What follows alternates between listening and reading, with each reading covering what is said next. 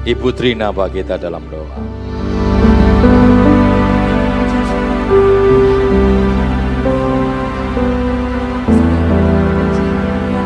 Haleluya Yesus.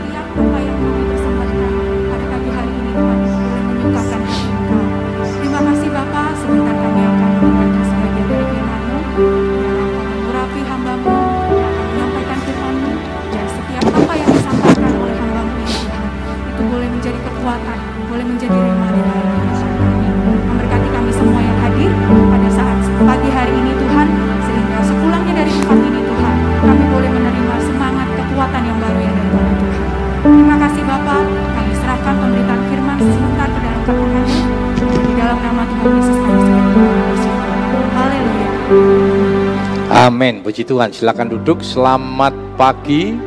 Selamat kita boleh kembali bertemu dalam kasih Tuhan. Bapak Ibu sudah bersuka cita? Amin. Allah yang kita sembah adalah Allah yang ajaib, yang luar biasa, yang boleh menolong kita semua. Puji Tuhan. Langsung saja kita akan bersama-sama mendengarkan firman Tuhan. Tema firman Tuhan kita pada pagi yang indah ini, kasih sejati dan kekal. Nah biasanya di beberapa gereja-gereja, khususnya gereja-gereja protestan, bulan Februari itu menjadi bulan, bulan keluarga. Ya mungkin berkaitan dengan 14 Februari, ya acara Valentine. Tetapi saya perlu tegaskan di sini, eh, beberapa waktu yang lalu sudah, sudah sampaikan bahwa Valentine itu bukan uh, acara gerejawi, artinya bukan lahir dari gereja, sudah ya Nah, apa namanya nanti kita akan lihat sama-sama, boleh uh, pas uh, 14 Februari lalu kita mengadakan ibadah tapi jangan ibadah Valentine Saudara. Ini yang diserang oleh kelompok-kelompok agama sepupu kita. Ya, karena wah Valentine itu dianggap itu produk gereja bukan. Karena biasanya praktek-praktek uh, perayaan Valentine itu cenderung kepada hal-hal yang kurang kurang baik bahkan condong kepada hal-hal yang bersifat seksual ya. Uh, karena itu saya tekankan kemarin beberapa waktu yang lalu gereja tidak merayakan Valentine. Tetapi kalau pas acara ini kita memberi menyajikan ya, menyajikan gereja membuat acara, wadah apa membuat acara, tujuannya adalah ingin menyajikan inilah kasih yang sesungguhnya.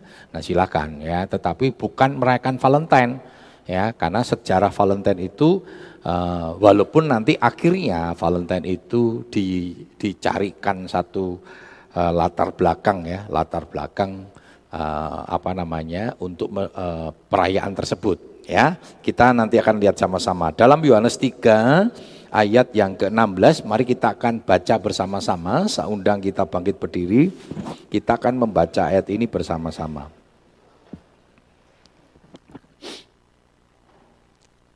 Dua, tiga.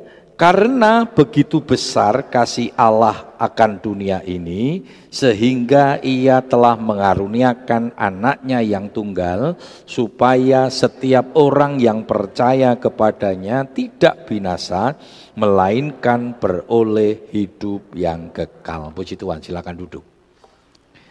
Saya kita percaya kita sangat mengenal ayat ini, ayat inilah yang menjadi dasar ya menjadi dasar kebenaran firman Tuhan ya. Uh, bahkan Alkitab ini didasarkan kepada Yohanes 3:16 yaitu kasih Tuhan yang begitu besar. Kasih Tuhan ini kasih yang sejati. Sejati itu artinya kasih yang sesungguhnya.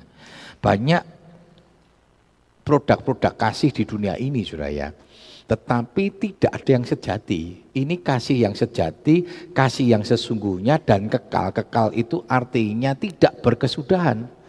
Ya, maka nanti kalau kita membaca di dalam 1 Korintus 13 itu dikatakan ada tiga hal, yaitu iman, pengharapan dan kasih. Tetapi yang terbesar ialah kasih. Kenapa? Karena kasih tidak tidak uh, apa namanya? tidak berkesudahan. Iman ketika nanti sampai di surga hilang sudah kita nggak perlu beriman lagi wong sudah sampai pengharapan pun juga sama. Ketika kita sudah sampai di surga sudah nggak ada lagi kita nggak perlu berharap lagi mau berharap apa.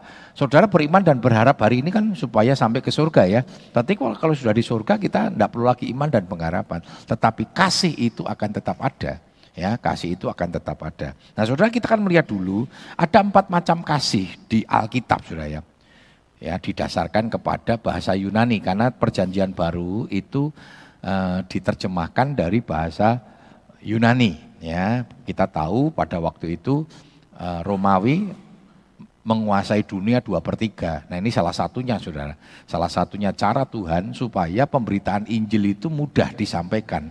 Karena bahasa Yunani, bahasa Romawi itu waktu itu dipergunakan ya. Dan kita sekarang pun kan dipengaruhi dengan bahasa Romawi. Alfabet itu kan dari dari ABCD itu kan dipengaruhi dari bahasa Romawi. Ada empat macam kasih. Ya, jadi tidak semua kata kasih di Alkitab itu terjem, terjemahnya sama. Nah makanya kita belajar teologi, salah satunya kita belajar leksikon, kita belajar uh, apa bahasa Yunani, bahasa Ibrani adalah uh, karena keterbatasan vocabnya apa uh, perbendaraan kata untuk bahasa Indonesia itu terbatas, saudara. Sehingga bahasa Indonesia tidak bisa menerjemahkan ya tidak bisa menerjemahkan. Contohnya sakit kepala. Kalau orang Indonesia kan ngerti sakit kepala, ya. Tapi kalau bahasa Jawa itu yang apa ya ya? Mumet, mungser, nah beda lagi sudah ya. Waktu bilang mumet sama mungser kan, wah dasku mungser ini sudah itu coba terjemahkan bahasa Indonesia ya apa? Kan harus menerjemahkan dengan beberapa kata ya kepala rasanya berkeliling-keliling gitu saudara ya. Artinya tidak ada satu kata yang bisa menerjemahkan nah, itulah uh, perbendaran bahasa Indonesia itu terbatas. Ya, karena sering kali dalam menerjemahkan itu kita perlu mempelajari apa sih pengertian yang sesungguhnya. Nah, uh, saya pernah sampaikan ini, tetapi kita akan coba ulang secara cepat. Yang pertama agape. Ya, yang pertama itu agape. Agape itu kasih tanpa syarat. Ini kasih ilahi. Ini kasih sejati dan kekal. Itu agape. Yang kedua filio. Filio itu kasih persaudaraan, eh, persahabatan sorry. Take and give. Yang namanya sahabat itu take and give ya. Saya tidak bisa berkata, "Oh, saya sahabatnya Pak Taufik." gitu ya. Lalu Pak Taufik ditanya, "Pak Taufik, memang sahabatnya Pak Agus?" Bukan. Nah, nggak bisa sudah Persahabatan itu take and give, memberi dan menerima. Betul sudah ya, memberi dan menerima. Bukan hanya menerima saja, bukan hanya memberi saja, tetapi memberi dan menerima. Persahabatan itu seperti itu, ya. Persahabatan itu seperti itu. Yang ketiga, storgi atau storgos. Storgi atau storgos itu kasih persaudaraan atau kasih karena hubungan darah. Hubungan antara anak dengan dengan dengan apa namanya uh, orang tuanya hubungan antara saudara dengan so, saudara. Ya, suami istri bisa dipisah sudah. Suami istri bisa bercerai, tetapi walaupun bercerai sudah hubungan anak dengan orang tua tidak pernah bisa ter, terputuskan. Saya masih ingat saudara, ada jemaat kami di kota Solo, ya dia orang orang cukup kaya pada waktu itu, lalu dia uh, tidak setuju dengan calon anaknya. Jadi dari awal itu calon anaknya dia nggak setuju sudah sampai singkat cerita anaknya nekat mau nikah. Ya, dan singkat cerita akhirnya karena sudah nggak bisa diapa-apain lagi, ya anaknya tetap ngeyel, tetap ngotot mau nikah karena dia sudah begitu uh, cinta dengan calonnya ini. Lalu orang tuanya ngomong saya sama saya begini, Om, nanti saya akan menikahkan anak saya karena itu kewajiban saya sebagai orang tua menikahkan anak. Tapi hari ini menikah, besok paginya om antar saya ke notaris, eh, ke, ke pengacara, dia bilang, saya akan melepaskan anak saya secara hukum. Jadi eh, setelah dia nikahkan, kewajibannya diselesaikan, setelah itu dia akan pergi ke apa itu notaris atau pengadilan, dia akan memisahkan, dia akan menyatakan bahwa anak saya ini sudah bukan anak saya lagi secara hukum. Terus saya bilang begini, tujuannya apa? Tujuannya apa kira-kira sudah?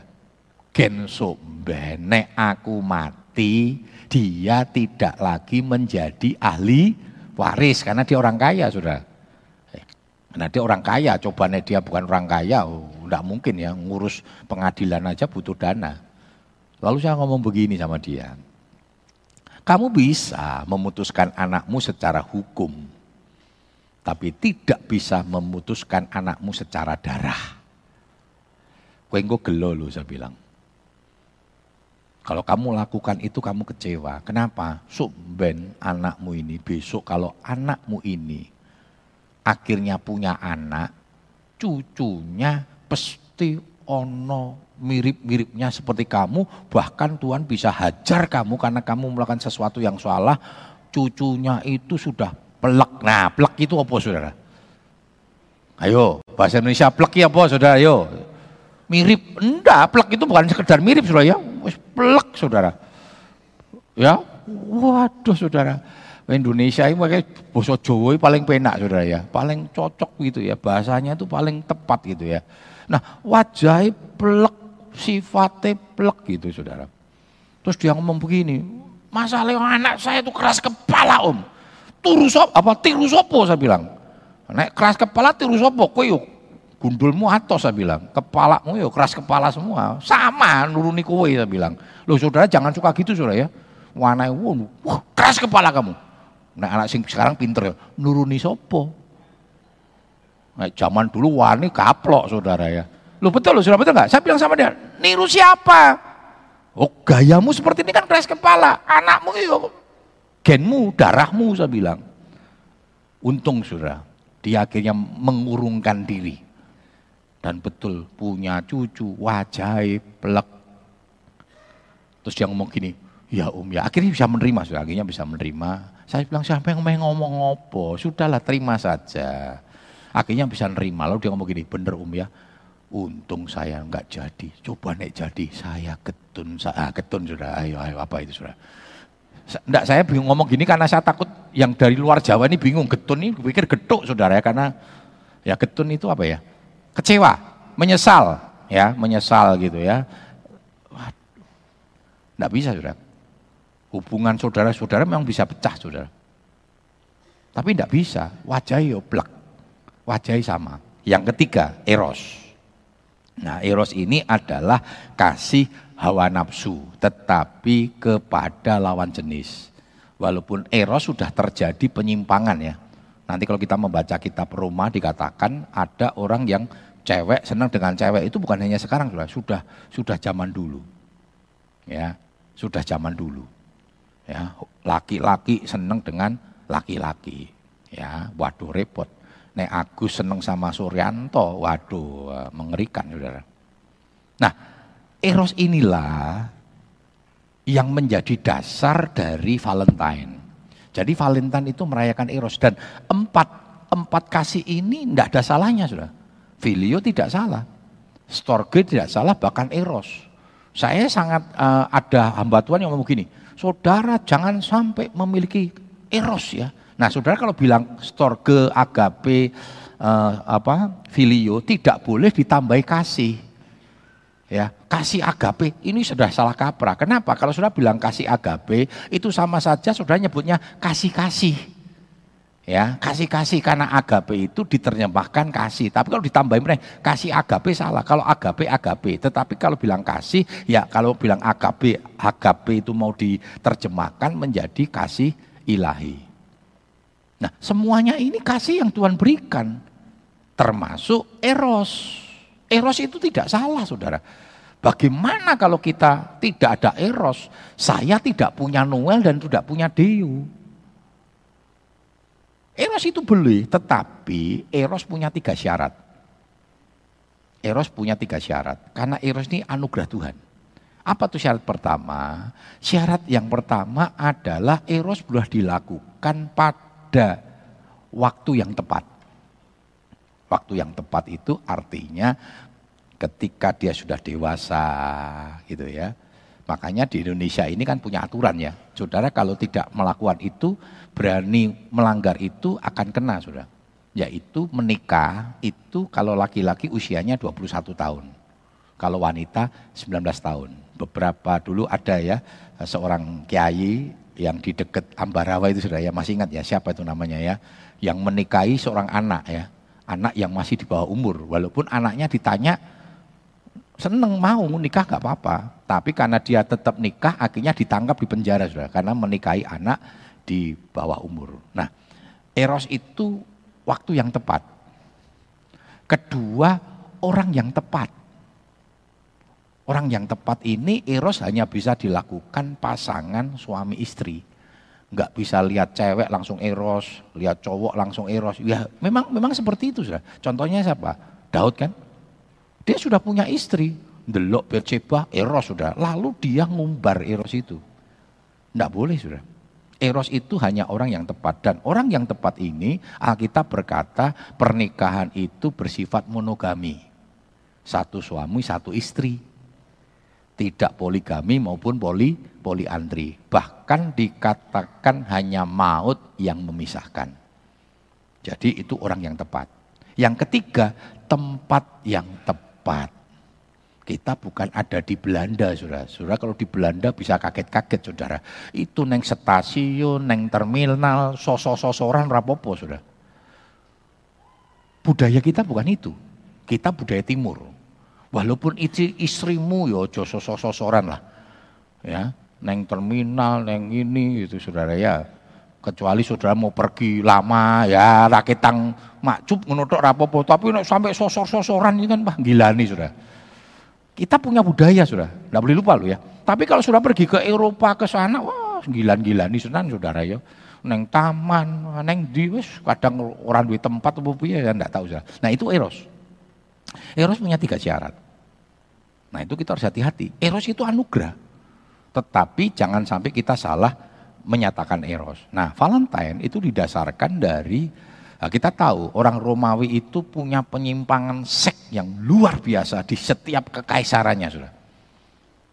Jadi eh, Valentine didasarkan kepada satu perayaan namanya Lupercalia. Mungkin sudah tahu ya saya tidak perlu menerangkan secara detail. Ya, itu apa namanya Lupercalia itu nanti itu sebenarnya sebuah perayaan memperingati ya Romondus dan Remus ya dan Timus. Nah, Timus itu wong Jawa sudah ya. Nah, itu uh, singkat ceritanya nanti perayaan itu menjadi berkembang perayaan dalam konteks penyimpangan seks. Jadi mereka uh, mengadakan basar basar seks sudah ya. Dengan cara apa? Yang cowok itu memilih wanita ya dimasukkan ke nama-nama kayak arisan sudah ya. Kopiok sudah neng toples. Saya ngambil. Cek Mariska. Wah, saya akan hidup berpasangan dengan Mariska sudah. Walaupun belum menikah. Dan maaf bicara bukan sekedar berpasangan, tetapi melakukan hubungan seks. Nek cocok dilanjut. Bahkan bisa sampai ke jenjang pernikahan nek cocok. Nek ora ditukar tambah. Nek rasa nambah sudah ora cocok ditukar leboke meneh gulungane meneh mariska dikopiok dia bisa ketemu sama yang lain sudah itu latar belakangnya nah ketika Romawi kekristenan menjadi agama Romawi akhirnya eh, praktek-praktek luperkalia ini akhirnya dihilangkan. Mereka mencari, karena kan kalau sudah budaya kan sulit sudah ya. Mencari latar belakang supaya perayaan ini latar belakangnya dihilangkan. Nah, mereka ketemu pada zaman Romawi Claudius. Ya, Claudius ini punya ambisi untuk menguasai dunia dan akhirnya terjadi dua per tiga dunia dikuasai oleh Romawi sudah ya. Lalu Claudius itu ingin memperkuat prajuritnya, sorry, memperkuat uh, pasukannya, maka Claudius ini melarang prajurit-prajuritnya untuk menikah. Sehingga prajurit-prajuritnya mau protes, tapi protes nggak berani, protes dibunuh saudara. Dan kalau menikah ketahuan dibunuh. Lalu ada seorang pendeta namanya Valentino. Valentino ini sangat tidak setuju dengan keputusan Claudius saudara.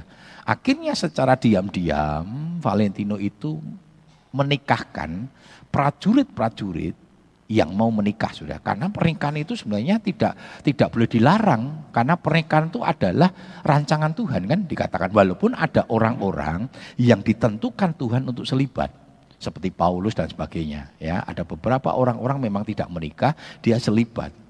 Tetapi pernikahan itu adalah rancangan Tuhan. Nah akhirnya Claudius memberkati lalu menyembunyikan istri-istri itu. Dan akibat uh, sampai satu kali akhirnya Claudius ketahuan. Dan akhirnya Claudius dibunuh di apa hukum mati dan akhirnya dalam perkembangannya Claudius uh, sorry uh, Valentino Valentino akhirnya dihukum mati dalam perkembangannya oleh gereja Valentino dijadikan santo Santo Valentino. Dan perkembangannya akhirnya eh, perayaan Lupercalia tadi sejarahnya digantikan dengan sejarah Valentino. Maka sampailah yang namanya Valentine. Ya, ngasih kembang, ngasih coklat. Kan bahaya Saudara ya. Kalau tadi Chandra ngasih coklat sama Joko kan bahaya Saudara ya. Waduh, pasti yang dikasih coklat kan yang lawan jenis sudah ya.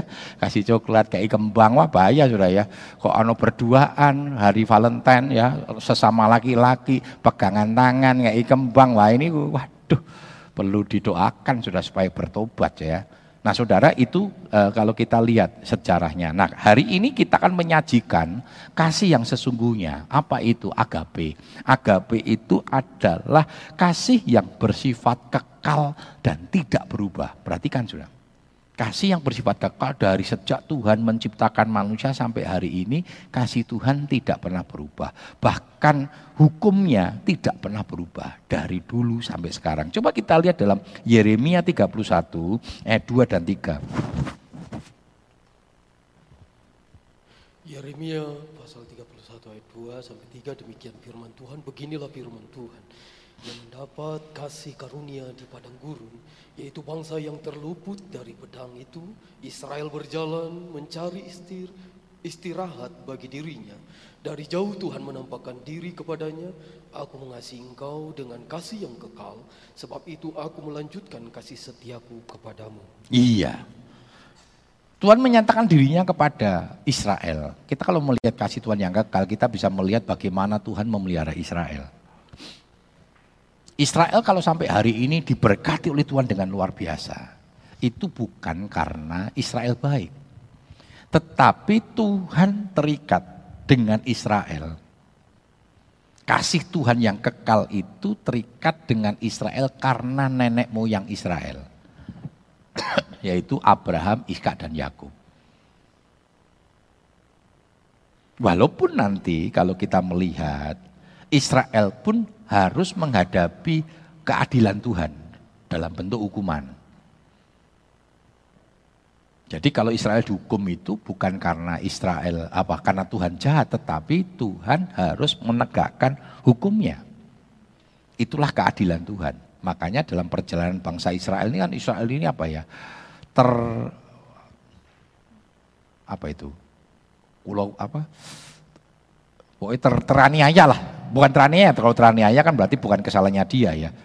Tetapi dia menghadapi satu keadaan-keadaan yang sangat tidak mengenakan. Kalau bahasa Inggrisnya ketulo-tulo, ya lah itulah dia. Jadi dia menghadapi kondisi yang tidak enak. Kenapa? Karena dosanya Israel. Lahir dari bangsa menjadi bangsa yang dijajah, bangsa budak. Nanti akhirnya berjalan dalam pemeliharaan Tuhan. Bahkan selama 40 tahun pun kan bangsa Israel ini Waduh meruntak sama Tuhan luar biasa. Sampai akhirnya mendaratlah di Kanaan. Dipimpin oleh hakim-hakim setelah eranya Yosua. Setelah itu mereka nuntut raja. Akhirnya Tuhan berikan dari kerajaan apa teokrasi, kerajaan yang dipimpin oleh Tuhan menjadi monarki, menjadi uh, sebuah kerajaan yang akhirnya karena kedegilan juga, karena dosanya menjadi pecah. Singkat cerita menjadi kerajaan Yehuda, menjadi kerajaan Israel. Dan akhirnya mereka berakhir kepada penjajahan lagi. Bangsa Israel dijajah oleh bangsa Asur, hilang sampai hari ini. Bangsa Yehuda dijajah oleh Babel. Dan hilang mengalami kondisi ya, kondisi yang hilang. Akhirnya dia e, membunuh Tuhan Yesus, menyalibkan Yesus. Kan ini yang menyalibkan orang-orang Israel karena pernyataan egoisnya, kesombongannya dia berkata, aku dan anak cucuku yang harus menanggung darah orang ini akhirnya mengalami diaspora. Hampir 2000 tahun. Tahun 46, 47 baru sionisme sampai hari ini. Tetapi Tuhan masih memelihara bangsa Israel. Bahkan nanti satu-satunya bangsa yang diselamatkan oleh Tuhan hanya bangsa Israel. Kenapa? Karena Tuhan memelihara bangsa Israel dengan kasih yang kekal dan sejati termasuk kepada kita umat-umatnya. Karena kasih Tuhan bukan hanya dinyatakan kepada Israel. Dikatakan karena begitu besar kasih Allah kan dunia ini termasuk di dalamnya kita. Karena itu kita bersyukur sudah. Kasih Tuhan itu kekal. Janji firman Tuhan itu tidak pernah berubah. Ya. Nah, Saudara, agape itu tadi sudah saya sampaikan adalah kasih tanpa syarat. Saudara dan saya dipelihara dengan agape, dengan kasih ilahi, kasih tanpa syarat. Oleh karena itu, kita harus senantiasa menjadikan kasih ilahi atau agape ini menjadi dasar. Ya, filio kalau tidak didasarkan kepada agape nggak bisa, saudara. Ada persahabatan akhirnya pecah, betul nggak, saudara? Anda akan lebih sakit hati disakiti sama sahabat atau teman yang biasa. Biasanya persahabatan itu malah kental tapi begitu pecah bisa, waduh, berkepanjangan karena rasanya sakitnya lebih luar biasa. Persaudaraan, hubungan darah. Banyak sekali yang pecah. Banyak sekali saudara bersaudara ribut. Kenapa? Karena tidak didasarkan kepada agape, kasih tanpa syarat. Semua bersyarat, saudara. Kau sakiti aku, wah sorry, lu jual, gua beli. Wah gitu sudah ya. Ini kan bahasa Betawi ya. Itu sebenarnya kan balas-balesan. Take and give-nya itu bukan sesuatu yang baik tetapi yang jahat. Kau sakiti aku, aku sakiti kamu. Kamu putuskan gigiku, tak rampal ke gigimu. Wah, lebih lebih lagi ya, tahu rampal ya. Rampal berarti kan diintek kayak begini sudah. Pembalasan itu lebih kejam. Nah, kalau tidak didasarkan kepada ilahi, eros kalau tidak didasarkan kepada ilahi, tidak bisa. Banyak pernikahan-pernikahan akhirnya patah, pernikahan-pernikahan akhirnya hancur. Di kekristenan tidak mengenal itu. Kalau di beberapa agama boleh sudah nggak punya anak bisa cerai bisa kawin lagi. Suami istri tidak memuaskan suami bisa punya alasan. Karena cacat bisa punya alasan, tetapi kekristenan tidak. Tuhan betapa melindungi pernikahan saudara. Tidak ada alasan. Tidak ada alasan. Kalau ada itu cari-cari alasan biasanya. Tidak ada alasan saudara. Makanya firman Tuhan katakanlah, eh sorry, ketika acara pemberkatan nikah makanya saya minta supaya didokumentasikan saudara. Kan ada janji nikah. Sebelum janji nikah pun saya tanya dulu. Apakah kamu mau mengambil istrimu sebagai suami, istri yang sah, suami yang sah di hadapan Tuhan.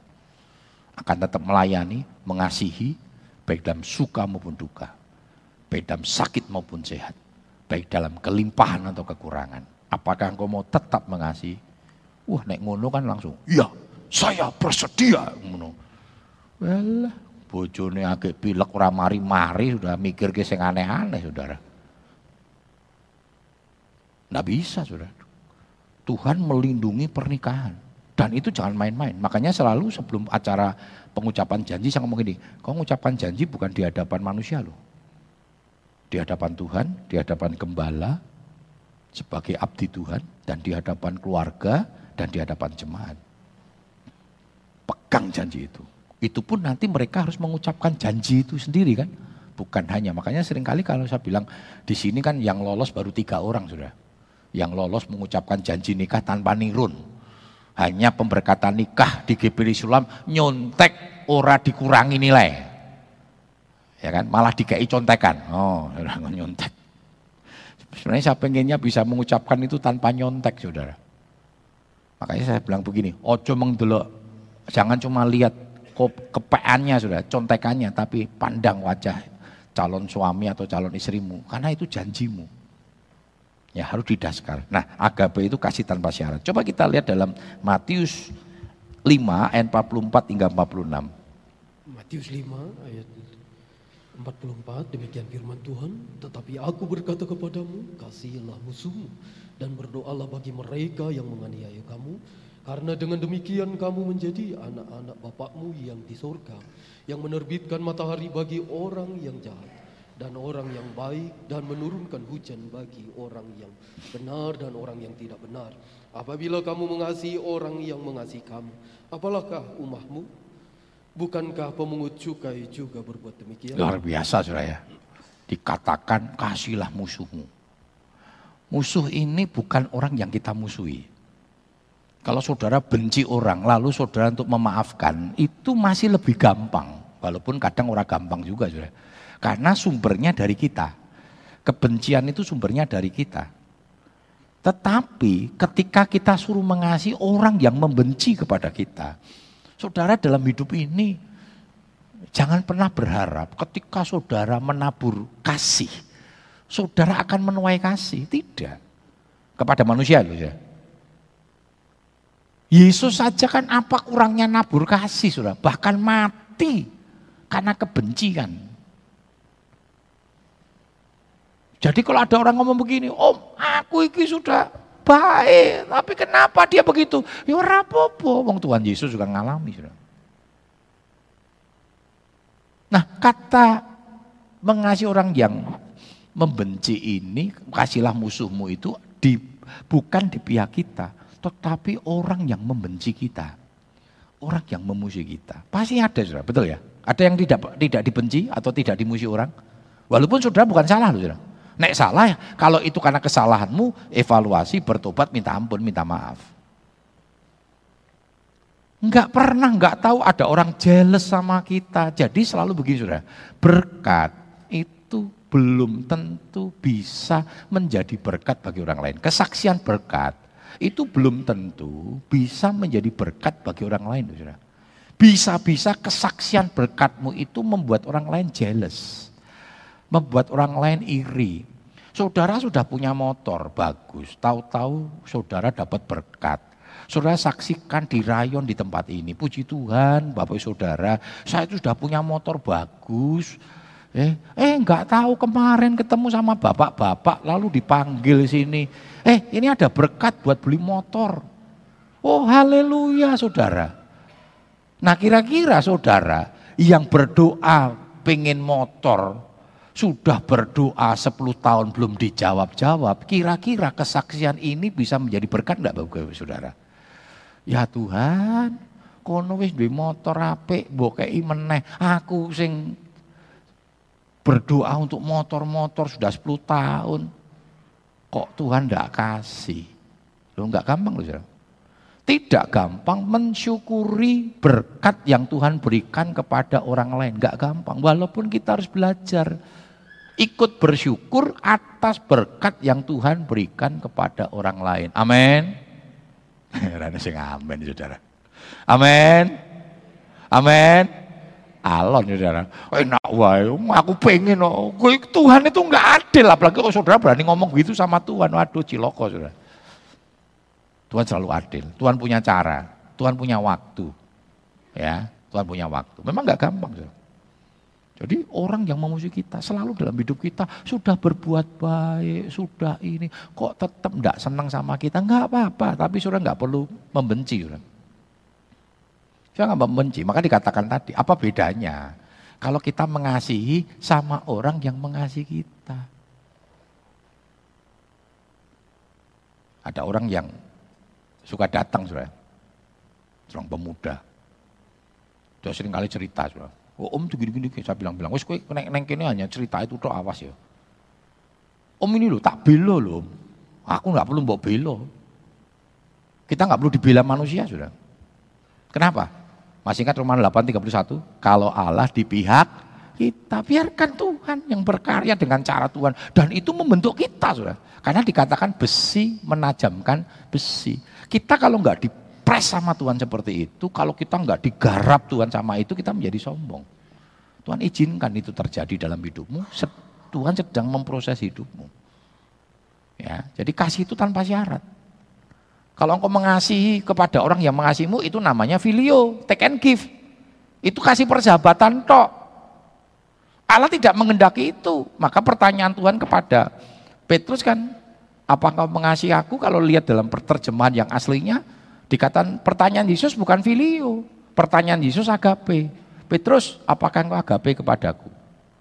Petrus jawab, Tuhan, engkau tahu aku filio kepadamu. Padahal Tuhan minta, apakah engkau mengasihi aku tanpa syarat? Tapi jawabannya Petrus, Tuhan engkau tahu, aku tidak mungkin mengasihi engkau kalau engkau tidak mengasihi aku. Ini filio, sudah. Pertanyaan yang kedua. Tuhan tanya lagi agape. Petrus apakah engkau agape? Jawabannya Petrus, Tuhan engkau tahu aku filio. Dia nggak berani berkata aku agape, aku filio. Dan pertanyaan ketiga ini yang membuat Petrus menangis. Tuhan turunkan kualitasnya. Ya. Petrus, apakah engkau filio kepada aku? Apa engkau mengasihi aku karena aku terlebih dahulu mengasihimu. Dan ini bicara ingin give. Kalau Tuhan sudah memberikan kasihnya kepada Petrus, harusnya Petrus memberikan kasihnya kepada Tuhan. Tapi dia menangis kenapa? Jangankan agape, filio pun Petrus tidak sanggup berikan karena dia menyangkal Yesus. Ya. Nah kita lihat saudara, Tuhan ajarkan kita punya agape, kasih tanpa syarat. Kasihlah istrimu tanpa syarat. Sekalipun istrimu ratau gawe kayak kopi, ratau mijetin, ndak tahu ngerokin, ora popo, nggak masalah. Karena saudara cari istri, bukan cari tukang kerok. Gara-gara istrinya ngeroi ora bang. Lah saudara punya kulit-kulit badak kok. Loh saya ini kulit saya badak saudara. Bu Ika tuh nak ngeroi sampai tangannya pegel kabeh ora bang. Pipi ndak abang-abang ora apa Sing penting sentuhan tanganmu wae mari Saudara. Cek cek Saudara. Lu rapopo itu namanya erosnya kepada suami kepada istri. Lek suami istri ano eros, wah kecut saudara. Karena tepat. Nggak popo saudara, naik mijeti saya nggak pernah. Wah dia tangannya tangan dokter oh saudara. Mijeti orang kroso, panggil tukang pijet orang masalah lah. Lah saudara mau tukang cari tukang pijet atau istri? Makanya kalau mau cari seperti itu, ya cowok-cowok kalau mau cari istri, kon mijet sih, piye nih? Ah, cocok cocok. Yuk kawin ya, kawin ya. Ngeroi sih, ngeroi. Ora abang melaju. Lagi salah kulitnya sing salah kayak ini sudah. Dia salahkan kulitnya sudah. Janganlah saudara, ya. Kasih Tuhan Yesus itu tanpa syarat, saudara. Coba kita lihat dalam Lukas 23 ayat 34. Demikian firman Tuhan, Yesus berkata, Ya Bapa, ampunilah mereka, sebab mereka tidak tahu apa yang mereka perbuat, dan mereka membuang undi untuk membagi pakaiannya. Perhatikan saudara, dia disalib, tapi dia bisa mintakan ampun. Berapa banyak ketika engkau disakiti? Tuntutan kita sama Tuhan apa? Tuhan, mana pembelaan? balesan Tuhan. Ketika engkau disakiti, disolimi, difitnah, lalu dapat kabar, eh om om om, sing nyakiti kue, sing mitnah kue, mau ketabrak setum. Wuh, saudara. Haleluya. Ini hukuman orang yang suka menyakiti orang percaya. Oh, ngawur ya harusnya berdoa. Karena pembalasan itu haknya Tuhan. Jangan pernah berpikir tentang pembalasan. Jangan pernah ngomong dan berpikir ketika ada orang menyakiti engkau, akhirnya dia mengalami sesuatu yang tidak baik, lalu sudah berkata, ini hukuman Tuhan. Memang Tuhan ngomong sama kita begitu? begitu? Ya itu cara Tuhan, itu haknya Tuhan. Kalau memang betul seperti itu, saudara nggak usah menghakimi. Saudara doakan, Kasihan. Dimintakan ampun sama Tuhan seperti Yesus. Karena Tuhan tahu akibat ini mengerikan, makanya dia mintakan ampun. Itu kasih tanpa syarat, saudara. Kasih tanpa syarat minimal kepada orang-orang yang tidak menyukai kita. Karena kita pasti dalam hidup kita banyak. Nah saudara, agape itu sebagai pengikat yang mempersatukan dan menyempurnakan. Kalau setiga 14. Demikian firman Tuhan dan di atas semuanya itu kenakanlah kasih sebagai pengikat yang mempersatukan dan menyempurnakan. Ya. Eros, filio, storgos itu akan tetap menjadi kuat ketika diikat oleh agape. Suami kita tidak sempurna, saudara. Istri kita tidak sempurna. Makanya menikah itu tujuannya untuk bisa menjadi sempurna. Pasangan tidak sama. Selalu saya katakan tuh pada konseling pranikah itu. Saya tidak sempurna, sudah. Saya punya kelemahan. Kelemahan saya ditutup oleh kekuatan Bu Ika. Bu Ika sempurna? Enggak, dia punya kelemahan. Kelemahan Bu Ika saya tutup. Makanya kan Tuhan datang kepada Adam berkata, aku akan memberikan penolong yang sepadan. Nah, ini hanya bisa kalau agape itu mengikat kita. Maka agape itu kan mempersatukan, diikat dan menjadi satu dan menyempurnakan. Filio tidak sempurna, storgos tidak sempurna, eros tidak sempurna. Tetapi agape itu akan menyempurnakan. Ya, selanjutnya. Nah, kita sudah belajar tadi agape. Nah, sekarang yang paling penting apa? Agape itu harus diwujud nyatakan. Diekspresikan. Gak cuma dibicarakan. Valentine mengomong tok. Kebanyakan Valentine kan lebih kepada hubungan pasangan. Apalagi kalau mengadakan pemuda, urung saudara. Urung waktu, belum urung wayai, belum waktunya. Karena eros itu nanti disempurnakan di dalam pernikahan dan perembekatan yang kudus. Karena itu jaga itu. Sebelum waktu yang tepat. Eros harus dijaga, diikat dengan tali Kristus. Karena eros itu sudah ya, pengen menikmati sudah. Hati-hati, Alkitab mencatatnya. Ketika ada orang yang begitu pengen mencintai, ingin memiliki, akhirnya wanita ini diperkosa, sudah. Anak dari Daud, sudah ya. Diperkosa karena karena pengennya, sudah. Eros itu kan pengennya memiliki. Maka hati-hati, sudah pertama-tama dudul-dudulan apa jari sudah. Sesuai nyekel kitik sudah ya. Sesuai nyekel tangani, sesuai remetan. Baremetan selanjutnya terserah anda, wah bahaya sudah. Lo betul sudah kalau nggak hati-hati. Jaga, saya bilang dulu pacaran sama buka gini. Nek sampai saya satu kali, wong jenengi wong lanang sudah ya. Pengennya nyosor terus sudah. Sampai saya ngomong buka waktu pacaran kalau saya ingin melakukan sesuatu yang tidak betul sama kamu, ingatkan. Kalau ingatkan ngeyel, bentak saya. Nek dibentak ngeyel, tapu, pukul, cakar supaya saya sadar. Kalau itu tuh tidak bisa bengak-bengok.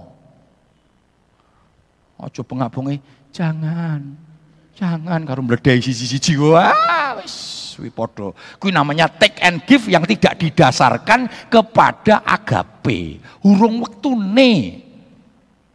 Waktu yang tepat, orang yang tepat, tempat yang tepat. Karena itu harus jaga ini anak muda ini. Anak erosis pengen nyosor kabeh. Kalau nggak dijaga dengan kasih Kristus dengan agape bahaya. Coba kita lihat di dalam Matius 22, 37 hingga 40. Demikian firman Tuhan, jawab Yesus kepadanya jiwamu dan dengan segenap akal budimu. Itulah hukum yang terutama dan yang pertama. Dan hukum yang kedua yang sama dengan itu ialah kasihilah sesamamu manusia seperti dirimu sendiri. Pada kedua hukum inilah tergantung seluruh hukum Taurat dan kitab para nabi. Tiga objek kasih yang harus kita wujud nyatakan. Yang pertama kasih kepada Tuhan. Yang kedua kasih kepada sesama. Yang ketiga adalah kasih kepada diri sendiri. Omong kosong, kita bilang kasih kepada Tuhan tapi sudah tidak mengasihi sesama. Masih ingat?